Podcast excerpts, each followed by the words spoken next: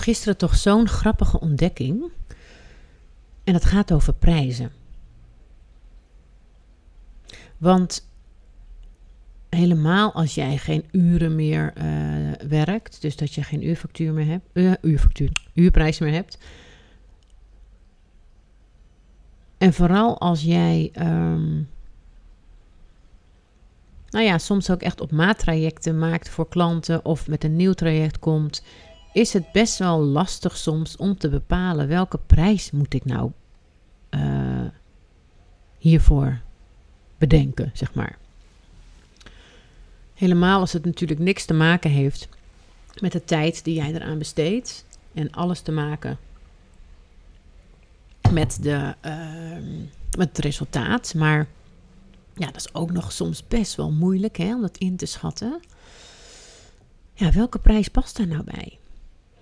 En gisteren gebeurde er zoiets grappigs, want ik had een uh, voorstel neergelegd bij een uh, nieuwe klant, bijna nieuwe klant. Ze waren heel enthousiast, dus ik ga er eigenlijk vanuit dat ze het gaan doen. En dat ging over een positioneringstraject voor een organisatie met een klein team. Zij gaan iets nieuws starten. Ze zijn wel ervaren, maar gaan iets nieuws starten binnen dezelfde branche. En um, ja, zij wilden graag uh, helder krijgen van waar gaan wij in essentie over. Wat hebben wij in essentie te brengen? Wat gaan wij anders doen dan anderen? Wat wordt ons verhaal? En zij wilde daar uiteindelijk ook, omdat, ze dus, omdat het dus nieuws was, daar ook een nieuwe visuele identiteit bij. Dus, oftewel een huisstijl. En nou ben ik geen vormgever, dus ik maak die niet. Maar ik heb wel partners die dat wel doen. En ik werk alleen maar met. Uh, ik laat dat alleen maar doen als daar een positioneringstraject aan vooraf is gegaan.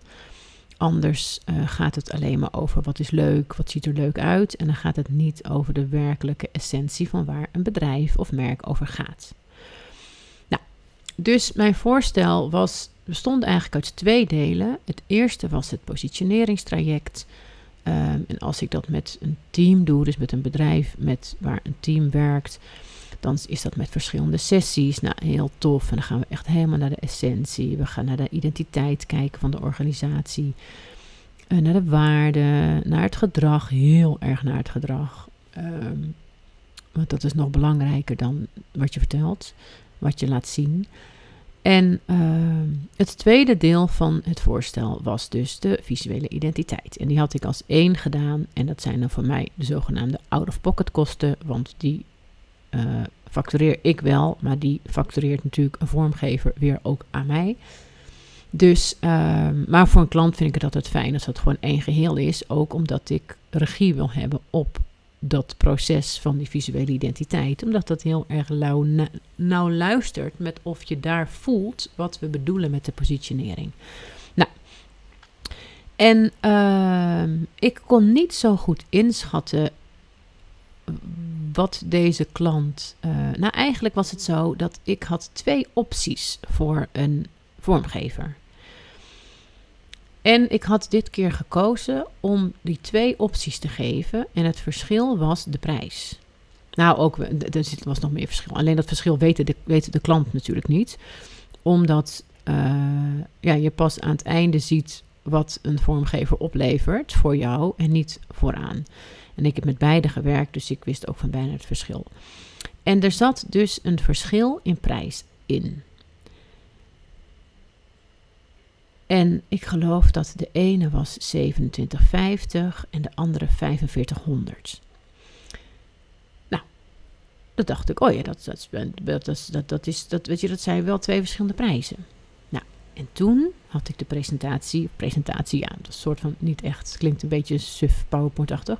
Maar toen had ik zeg maar mijn voorstel uh, met ze gedeeld. En nou ja, dat gaat dan uh, heel erg in samenspraak. En we gaan dan gelijk heel erg de diepte in over wat nodig is en dergelijke. Waar zij staan, wat ik zie in hun markt. Nou, dat, is, zijn altijd hele toffe gesprekken. En zij waren mega enthousiast. En toen uh, ging het ook over dat tweede deel. En toen zeiden zij: Nou, ik ben eigenlijk wel benieuwd wat dan het verschil is. Want ik vind het, de prijs niet zoveel verschillen. En toen dacht ik, oh ja, dat is echt zo interessant. Want stel je nou voor dat je die even in isolatie gaat bekijken. En jij hebt een traject. En je zit te twijfelen. Wat moet ik nou vragen voor dit traject? Moet ik nou 2750 euro vragen? Of moet ik nou 4500 euro vragen? Blijkbaar vinden sommige mensen dat dus niet heel groot, een heel groot verschil. Dat zit waarschijnlijk een beetje tussen de, nou de een is 3 en de andere is 4000 euro. Echt interessant toch? En toen ik daarover naging, toen dacht ik trouwens ook gelijk over de prijs die ik zelf had neergelegd voor mijn traject. Dan dacht ik, oh ja, maar als je zo nadenkt, dan had ik daar ook op een andere manier nog naar kunnen kijken. Zo vond ik, en terwijl ik echt daar een goede prijs voor vraag hoor. Uh, en toen moest ik denken aan jaren geleden dat ik bij een uh, kledingmerk werkte als marketing- en communicatiemanager van een team. En uh, dat was een kledingmerk voor baby- en positiekleding. Nou, volledig out of my uh, branche. Want ik kwam van de. Um, het was nog voordat ik daar. Dus ja, ik kwam echt uit de dienstverlening. Veel zakelijker schoonmaakmiddelen. Had ik ingezet. Professionele schoonmaakmiddelen. Nou, dat ging dus heel erg over werking. En niet over uiterlijk, zeg maar. En nu kwam ik bij een kledingmerk en ik voelde, dat is ook achteraf zo grappig, want um, mode en werken in mode is zo niks voor mij. Um, omdat ik, en dan generaliseer ik enorm hoor, maar daar ging het zo over de buitenkant echt grappige voorbeelden. We moesten op een gegeven moment, bijvoorbeeld, het gaat even, even een zijsprongetje, maar dat is wel grappig. Um, moesten op een gegeven moment hadden we dan, want dat, ja, dus hadden eigen kleding, dus ook eigen shoots. Hadden we een kleding, uh, fotoshoot met de volgende lijn. En dat was van een groot merk, want zij hadden enerzijds hun eigen merk, maar ze hadden ook een samenwerking met Esprit. Dat natuurlijk een super groot merk. En daar was die fotoshoot voor. En um, nou, toen was er modellen, via modellenbureaus en dit en dat, bla bla. En dat moeten natuurlijk altijd zwangere vrouwen zijn. Nou, dat was nu ook zo. En toen, uh, nou, er worden alle setjes uitgekozen en dan uh, een locatie. En dat, dat deed ik allemaal niet hoor. Ik, dat, het was wel uiteindelijk, de inhoud van de shoot was niet mijn verantwoordelijkheid, want dat hoorde bij styling. Alleen uiteindelijk de, de toch ook wel hoe die foto's waren en hoe je dat dan vervolgens weer uh, ja, ging inzetten bij je dealers en bij de retail. Dat viel natuurlijk wel onder mijn verantwoordelijkheid of onder de verantwoordelijkheid van het team. En toen was die shoot en dan krijg je daarna natuurlijk die foto's. Nou, en ik ben echt niet een of andere no-no die helemaal geen gevoel voor esthetiek heeft of, of zo. Of voor fotografie helemaal niet. Maar um, de grap was dat toen kwamen die foto's terug. Ja, en ik dacht echt van, nou, dit is wel mooi. En ik had ondertussen geleerd van, um, nou, je moet natuurlijk goed kijken dat die kleding goed zit. Want dat zag ik ook op die shoots. Dat echt elk plukje, haartje, dingetje, frutseltje moest natuurlijk helemaal recht liggen. Allemaal strijken en zo. Echt geen, geen uh, hoe heet dat, uh, kreukje in, in, in de kleding. Dus nou, op een gegeven moment dacht ik, nou, deze is leuk. Weet je, staat er leuk op en de kleding zit goed, bla, bla, bla. En dan nou, was dat dus helemaal fout, hoe ik dat gezien had. Want je zag op haar hand, zag je haar aderen te goed. Nou, echt, toen dacht ik, oh ja. Nee, ik geloof toch niet dat dit mijn branche is. Ook omdat het zo, um, en natuurlijk, details zijn belangrijk. Maar het zat hem ook in, ja, ik weet het niet, ik kan het niet zo goed uitleggen. Het was een soort weet je, ik, ik, het is echt al een aantal jaar geleden. En nou, het was echt niet zo dat ik er als een een of andere uh, doos uitzag of zo. Ik vond altijd dat ik best wel leuk uitzag, maar ik was echt niet hip genoeg. Ik was daar echt niet hip genoeg. Oh, het was echt zo erg. Dus uiteindelijk, uh, nou, om die reden en nog andere redenen, maar waar ben ik daar in, uiteindelijk heb ik een andere baan gevonden. En, uh, maar wat ik daar wel super goed geleerd heb, want dat vond ik dan wel weer mega interessant. Ze hadden een hele goede sales manager. En dat was niet een sales manager die uh, enorm, uh, weet ik veel, business, whatever had gestudeerd aan de universiteit. Dit was een sales manager die heel goed was in verkopen. En volledig vanuit ervaring, maar ook dus een soort wel van analytische theorieën had over pricing. En dat vond ik zo interessant. En dat heeft hiermee te maken. Dus uh, hij zei bijvoorbeeld. Ja, en dat, en dat gaat dus eigenlijk over een soort psychologische prijzen bepalen. En ik denk dat die 2750 versus 4500 daarmee te maken heeft. Dus hij zei bijvoorbeeld van oké, stel je voor je hebt dus een jurkje, ik zeg maar wat. En die kan je dus um, 32,50 maken. Maar je kan hem ook 37,50 maken. Nou, of je nou een jurkje in de winkel hebt hangen voor 32,50 of 37,50. Ja, je voelt niet echt het verschil. Je denkt of 30 euro, dat denk ik altijd. ik rond altijd af naar beneden. Je kunt ook denken 35 euro. Daar ergens in die range. En dan denk je, nou, vind ik dat rond die 35 vind ik het goed of niet. En dan doe je het. Maar als je gaat kijken naar volume. En ze hadden volume, want het was internationaal. En elk jurkje verdien je 5 euro meer op. Dat is echt huge. Weet je, dat is mega. En dat zit hier ook op. En dan nog, weet je, dus enerzijds kan je zo ook naar je prijzen gaan kijken. Van, van wat maakt dat, wat, weet je, hoe voelt dat? En, en is het anders? En maakt dat uit? En zijn de verwachtingen anders? Zonder dat ik wil zeggen dat je altijd maar je prijs omhoog moet doen, want dat is niet wat ik zeg. Maar het is wel interessant om zo te kijken naar prijzen. En als jij nou echt twijfelt tussen twee bedragen, en dan mag wel echt het verschil significant zijn. Dus op het moment dat jij twijfelt tussen 34 of 37 euro, dan moet je dus echt gewoon 37 doen. Want dat is te weinig om te voelen wat het verschil is. Maar als jij twijfelt tussen, oké, maar is dit nou 5000 of 10.000 waard? Want allebei kan, hè? Het ligt er maar net aan wat het resultaat is en het effect is bij je klant. Dus, dus ja, de werkelijke waarde heeft vaak niks te maken met de perceptie die jij erbij hebt. En wat je ook kan doen, en dat is een hele leuke systemische manier om te voelen wat klopt, als je het met je hoofd niet kunt bedenken, want je kan het met je hoofd dus niet bedenken. Het is letterlijk wat de markt ervoor geeft.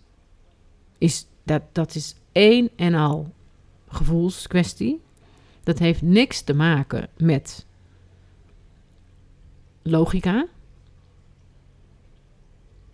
Nou, dat weet, je, natuurlijk eh, alles wat je kijkt buiten wat je kan kopen, heeft dat niks te maken met logica. Misschien als je een hele dure designer hebt die een stoel maakt en een niet zo'n dure designer, dan uh, is het wellicht zo dat die dure designer net wat kwalitatief beter hout koopt.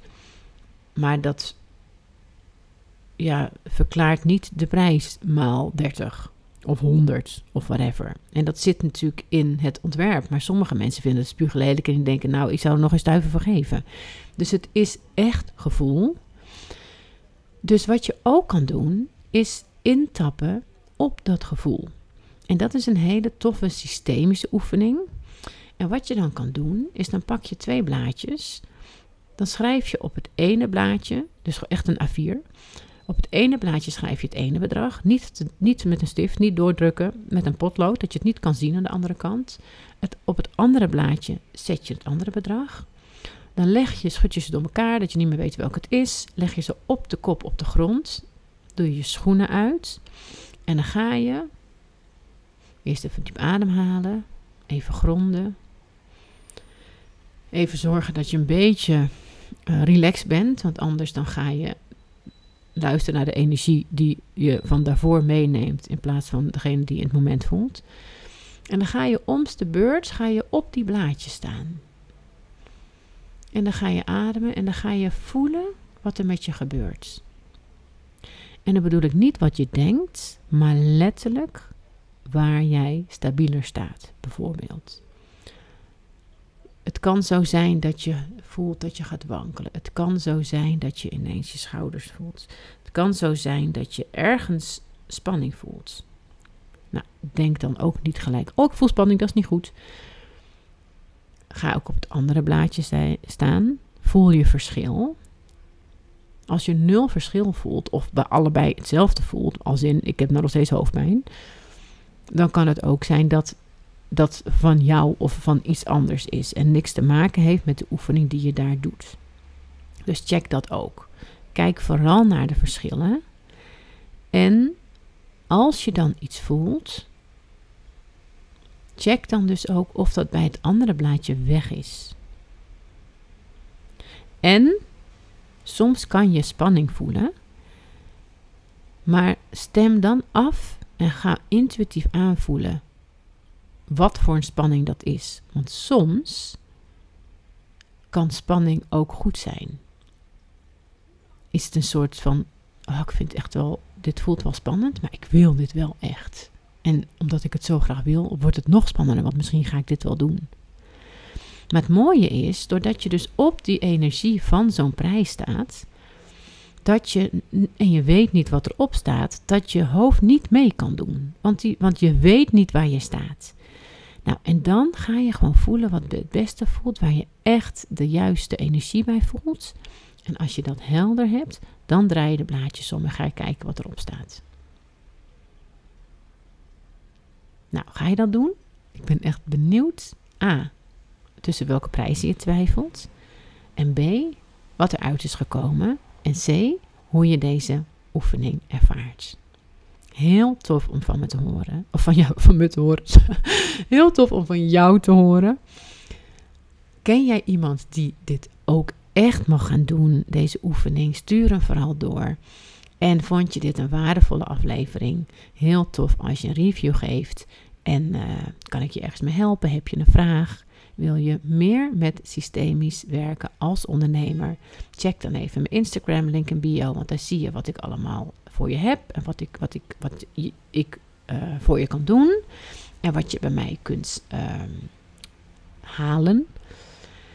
En anders tot de volgende aflevering en geniet van de rest van de dag. Doei!